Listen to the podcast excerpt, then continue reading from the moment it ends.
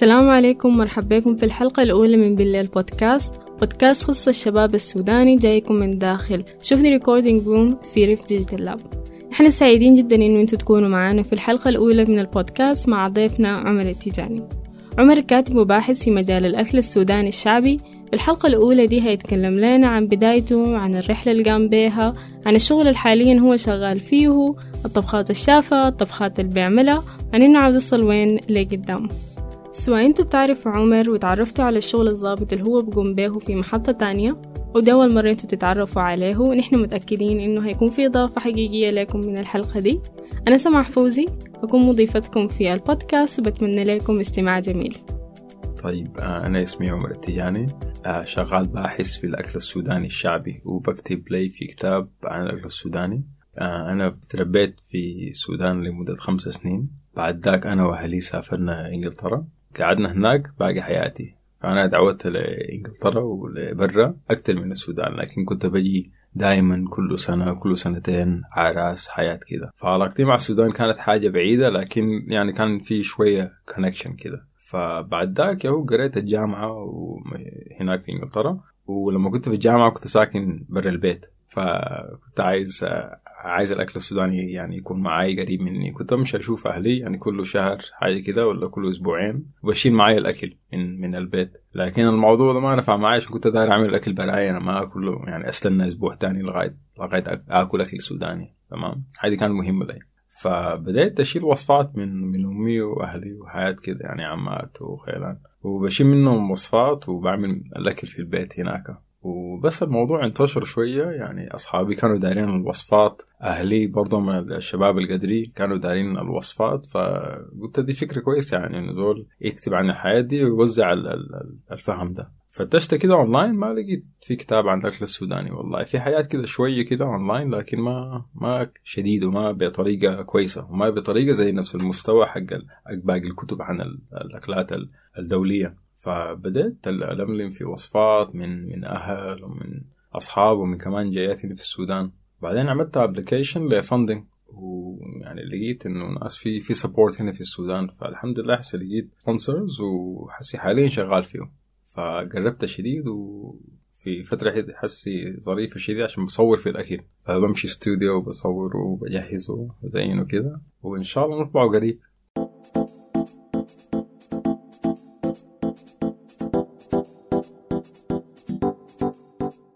فهي ما رحلة واحدة يعني. هي كم رحلة؟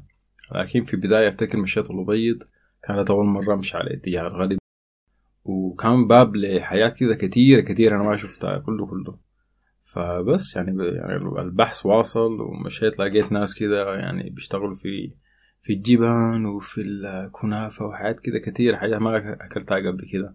فكل مرة بنسافر بنشوف وبناكل أكلات جديدة وبعدين من الأبيض مشينا الفاشر دي كانت حاجة رهيبة شديد. كان نفسي أنزل لنيالا لكن الشارع صعب ويهول. السفر في السودان كده في حاجة بتقدر تعملها في حاجة ما بتقدر تعملها. آه لكن السفر حاجة حلوة شديد في السودان. وبس كنا بنواصل في في البحث وفي التصوير وكان سوقت معي مصورين اثنين على وضحى آه وكانت رحلة حلوة. شديد شديد.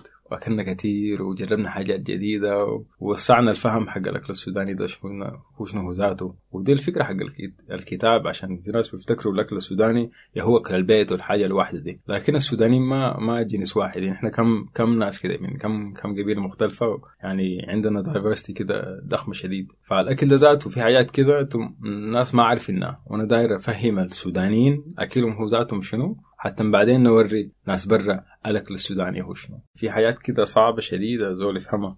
زي الحيل مر وبرضه أبسط حاجة زي الكسر دي يعني يعني درجة التخمير حقها وفي سوفيستيكيشن كده بعيد شديد وأنا ما ما شفته في في حتات تانية. أنا لما مشيت النيل الأزرق قالوا لي إنه في طبعا أي حتة بمشيها بسال إنه هل الأكلات المختلفة البس بلقاها هنا يهتم عارفين الملاحات زي التقلية ولا الرجلة والحاجات دي انتشرت للسودان كلها. لكن أنا داير أعرف الأكلات البس بتكون موجودة في المنطقة اللي إحنا حاسين فيها. فلما كنت في النيل الأزرق قالوا لي إنه في ملاح بتاع فطر. ودي أول مرة أنا أسمع بأي أكلة فيها فطر هنا في السودان. يعني ما حاجة بتلقاها بالساهل هنا عشان هي بتقوم في الطبيعة هناك في جنب الشجر والحتات كده. هيوميد ومويست وما بعرف شنو عندها عندها كلايمت كده معين لازم تقوم فيها. فأنا ما سمعت بها دي أول مرة أسمع بأكلة فيها فطر في السودان. فسألتها وهي طلعت إنه دمعة عادية جدا جدا. دمعة عادية بيرموا فيها الفطر ده وانتهى الموضوع. فحاجة رهيبة شديد ما ذقتها والله لكن لكن لازم أجربها. سهلة جدا لو زول عايز يعملها تعمل دمعة عادية اللي هي زي دمعة الفراخ ولا دمعة اللحمة دي. بس في مكان اللحمة تخط الفطر. لا ويكا لا حاجة بس خليها تتسبك كويس وانتهى الموضوع. بالعيش ولا بالكراسة؟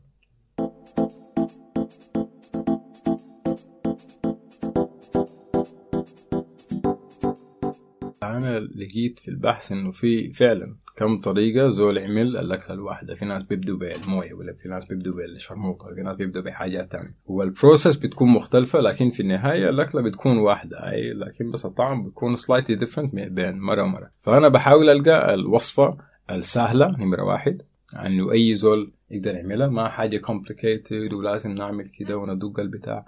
بس حاجة سهلة آه نمرة واحد. وثاني حاجة إنه تكون يا هو مقاديرها يعني simple ويعني سهلة كده زول يفهمها.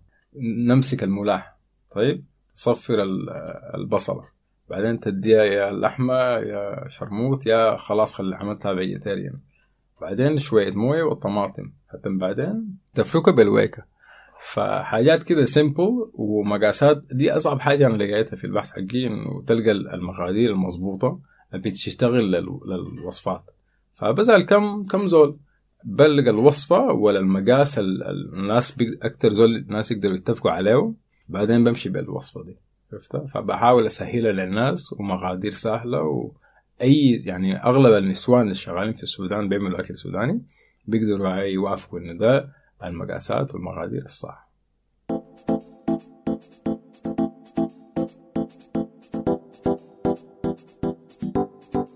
الأكل حقنا قيمته في الغذائية عالية شديد. من يعني ناحية كثيرة جدا جدا غير بس اللحوم اللي هو عندنا لحم كويس شديد هنا لحم نظيف غير من برا. وبرضه الخضار حقنا يعني قوي شديد يعني في الرجلة وقرع وحاجات كثيرة يعني. ال vegetables عندنا عالية شديد. وفي حاجة بالإنجليزي اسمها ال grains اللي هي الدخن والذرة وال هي هو العيش العادي القمح ده. كلهم ال quality quality عالي شديد يعني. فالحاجات دي مفيدة شديد للجسم. فلو لو حسي ممكن تمشي لأي جامعة جامعة الأحفاد ولا جامعة خرطوم ممكن تمشي لل nutrition department حقتهم يكلموك أنا مشيت وكلموني. وفي بحث عن النيوتريشن حق الأكل السوداني. حاجة عالية شديد وحاجة ما سهلة. وغير كده في ناس يعني برا خرطوم بيعتمدوا على الأكل الطبيعي. يعني زي المديدة حقتي دي حق الدخن. في ناس بيعتمدوا عليه ولا بيعتمدوا على على المريسة والأكلات زي دي. ويعني الغذائية حقتهم قوية وناس تيل ضخمة وما شاء الله يعني جسمهم قوي شديد جدا جدا. فديل عايشين على الطبيعة.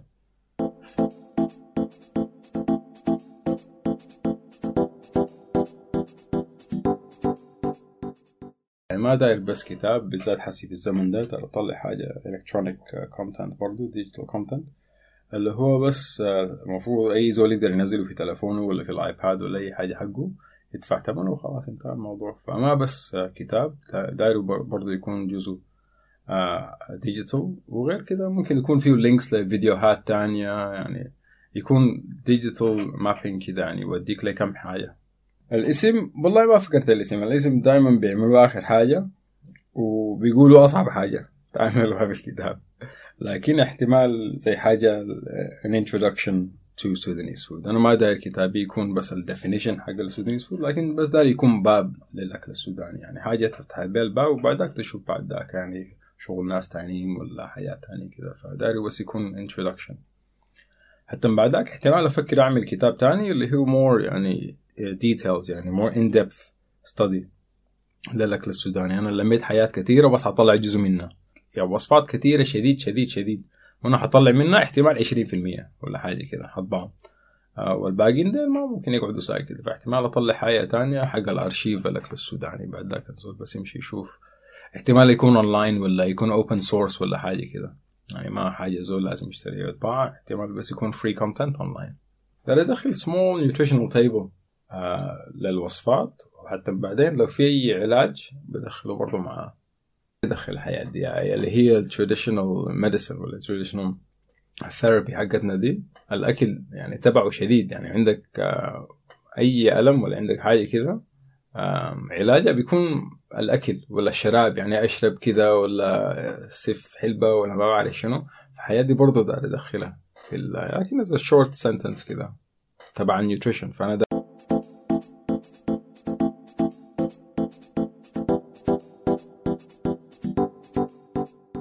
أنا والله بس داير الأكل السوداني ده ينتشر والسوداني ذاتهم يهتموا بالأكل أكتر. حسي شايف الشباب ما بيعملوا الأكل كتير في البيت بيعتمدوا على المطاعم ودليفري وحياة زي دي. فأنا بس داير الناس كده يحافظوا بالتراث حقنا في بالأكل بالذات ويكون تبع تبع يومهم. يعني أنا شايف الشباب حسي الحياة دي نسوها كده شوية وبس بس الكبار اللي بيعملوا الحياة المميزة والحياة الرهيبة حقنا في المطبخ. فأنا بس داير الشباب يمسكوا القوة الثقافة حقتنا دي في المطبخ ويواصلوها. فأنا داير أعمل الكتاب آه، أوزعه إن شاء الله. لكن بعد ذاك برضو نفتح أبواب تانية يعني ما بس للأكل لكن برضو للبخور وحاجات زي كده. ده برضو كله تبع المطبخ حقنا. فحاجات دي رهيبة مميزة يعني ما شايفين قيمة برا كيف يعني. حاجة ما سهلة كله كله. كان كم مرة أنا بعمل أكل يا ولدي أول مرة أذوق أكل سوداني وعجبهم شديد جدا جدا. أنا كنت بعمل pop up events هناك في لندن. فطبعا المشروع حقي إنه نحن نوزع الأكل السوداني. بعمل ياهو events كده عشان الناس يقدروا يجربوا الأكل. وكانوا بيحبوها شديد شديد جدا جدا. وال experience دي التجربة دي حاجة يعني مميزة وحلوة شديد عشان كانت لما توري زول أكل جديد في حياته وهو دي غير حياته وداير يعرف حاجات أكتر عنها وهو ذاته داير يعمل الأكل السوداني ده لنفسه ولأهله. دي حاجة ما ما سهلة والله. فالحمد لله إنه أقدر وزعت الحاجات دي ما بس في إنجلترا لكن برضه في أمريكا وكندا.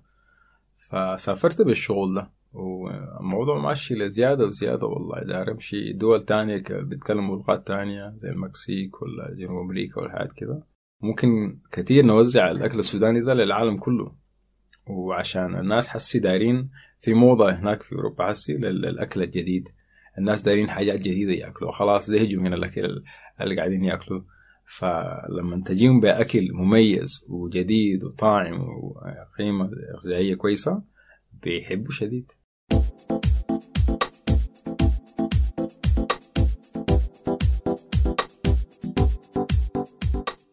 في صعوبات كثيرة في في التجربة حقتي دي. لكن الحمد لله في البداية طبعا عشان زي ما قلت ولد شغال في المطبخ السوداني الأهل كانوا شوي كده ما فهموا ولا قالوا ده شنو يعني عايز تعمل أكل وأكل وحياة كده. في حاجات مفروض للنسوان و وبعدين في ناس بيقولوا خلاص ما انت ما انت بتكتب دي حاجة كويسة لكن ما تخش المطبخ تعمل الاكل ففي يعني الفهم السوداني شوي كده traditional conservative.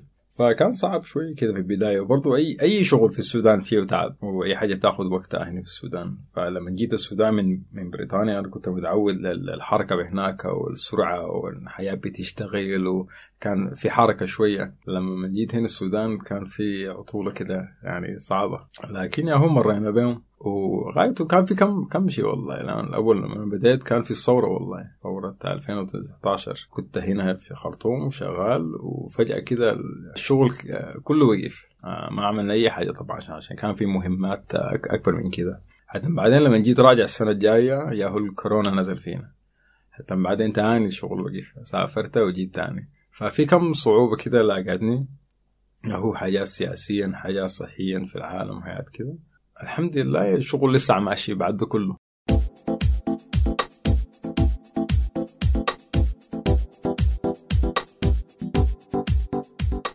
السودان هو بيشتغل لو انت اشتغلت معاه ولو انت كده صبرت له برضه كده شوية في حياه أحسن كتير هنا من برا. وفي طبعا حاجات برا أحسن كتير من هنا لكن الحاجات الأحسن هنا احتمال هم بيقولوا الناس لكن العلاقة مع الناس وحاجات كده. آه، المجتمع هنا أقوى وال sense of community هنا أقوى. فلو داري تشتغل وعندك ناس حوالينك ممكن بالراحة تطقطق كده تحرك ناس والشغل بيجي وبيمشي. وكمان الشغل ذاته بيكون ظريف ما ما ممل ما متعب. هناك احتمال الشغل بيكون يا هو بايخ كده شوية لكن الشغل هنا في السودان حلو من ناسه يعني احتمال الثقافة حقتنا والعلاقات مع بعض ولا بس ثقافة يعني نمرة واحد بس يعني ثقافتنا أقوى وهي قوية وحاجة قديمة وأهم حاجة إنه بس تصبر. يعني يكون عندك صبر يكون عندك الفكرة وعندك الحاجة عايز تطلعها. الدايرة hard work لكن برضه دايرة صبر. فبس اجتهد في الحاجة اللي أنت بتعملها. اتأكد إنه آه، يا هو انت ما ما بتعمل في شغل زول تاني ولا حاجة كده. أبدأ في new ground وهنا في السودان في potential كبير شديد لحاجات مختلفة يعني في ناحية الفن ولا الثقافة وحاجات كده. آه غير كده حاجات كثيرة يعني في الأرض حقنا ده. وال... أنا داري أبدأ شغل في ال... في الزراعة وفي medicinal plants والشغل ده. ففي البوتنشل هنا في السودان كثير شديد. بشجع الناس بس آه يواصلوا.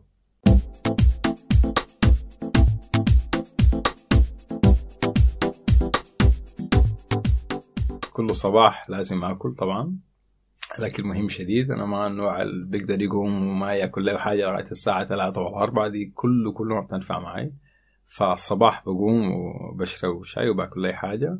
أنا حسي في السودان حسي بعمل زي زي porridge كده اللي هي زي مديدة يعني. دخن مع الشوفان شوية لبن شوية سكر. تمام؟ هناك في إنجلترا بعملها شوفان باللبن عادي مرات دكوة مرات موز لكن في السودان دخلت مع الدخن عشان إحنا في السودان. فدي الروتين حق الصباح ظابطة شديد معي. فتديني energy الصباح أقدر أتحرك وكذا وكذا. فالأكل حاجة مهمة. تاني حاجة الحركة. فبعمل يوغا والله كل صباح. دي برضو بتدي الجسم كده قوة وبرضو للمخ ذاته. يعني ما بس جسم لكن مخ برضو.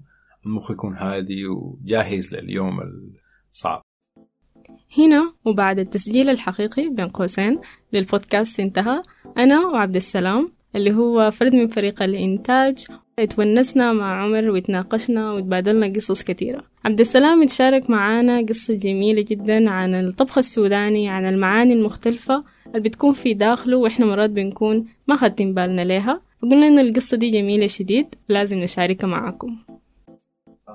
أنا متذكر في 2017 كان جا واحد ألماني في ورشة تبع يلا خرطوم أول يوم بعد نهاية الورشة كده قاموا جابوا أكل. فالناس بعد الورشة كلها يعني في ترابيزة كبيرة كده يعني إحنا كنا زي 20 نفر. الأكل كله قاعد مع بعض ومخطوط في صحن في موزع كده. الناس كلها كم 20 نفر بياكلوا مع بعض. الزول ده بعد الأكل بيجي يبكي. والله؟ يعني كده متأثر. أه. قال أنا عمري 25 سنة. أها. وعشت في ألمانيا كلها. قال لي أول مرة آكل مع عدد كبير كده من الناس. قال لي عمري ما أكلت مع ثلاثة أنفار.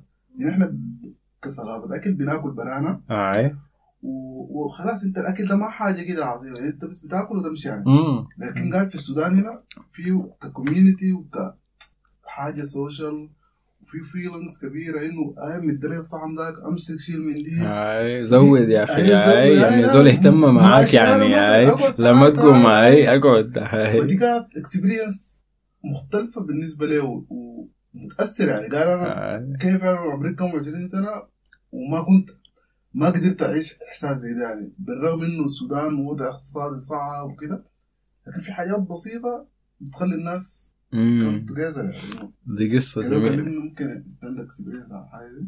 أكيد عشان أنا عشت هناك وعشت هنا. فدي قصة يعني قوية جدا جدا عشان فعلا هذه يعني صح هو حقتنا حوالين الأكل آه، مهمة شديد وما حاجة ناخدها يعني خفيفة يعني. ما بس الأكل اللي هو طعم لكن الثقافة اللي حوالين أن إحنا بنتعامل مع بعض كيف في في وقت الأكل. يعني لازم نجمع الناس. وممكن بالراحة هنا تأكل مع سترينجر يعني زول ما بتعرفه. بس تناديه بس من الشارع.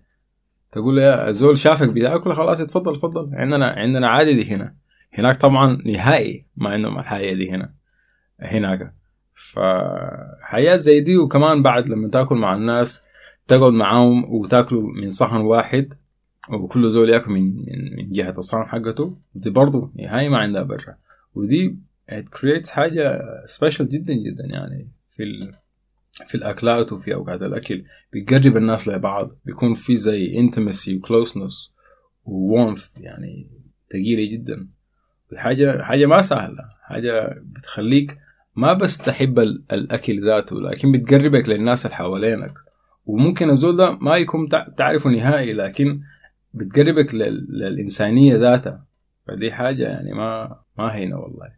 ما هينة فعندنا حاجة هنا في السودان قوية وخلتني برضو ده تبع الحياة اللي أنا داير داير أطور ال- ال- الثقافة السودانية في من ناحية الأكل يعني. نكون كده وصلنا لنهاية الحلقة الأولى من بالليل بودكاست إحنا سعيدين جدا بوجودكم معنا باستضافتنا لعمر اللي تكلم لنا عن شغله في مجال الطبخ السوداني الشعبي. لو عايزين تعرف أكتر عن عمر عن الشغل اللي هو بيقوم به بتلقوه في مواقع التواصل الاجتماعي المختلفة تحت اسم Sudanese Kitchen. تلقوه برضو في يوتيوب وحاليا موقعهم تحت الإنشاء. لو عايزين تلاقونا نحن في بالليل في Rift Digital Lab بتلقونا في مواقع التواصل الاجتماعي المختلفة تحت اسم Rift Digital Lab. في الموقع الإلكتروني برضو riftdigital.net إحنا سعيدين جدا إن أنتوا كنتوا معانا في الحلقة دي وبنتمنى نشوفكم في حلقتنا الجاية. مع هبة الطيب في أمان الله.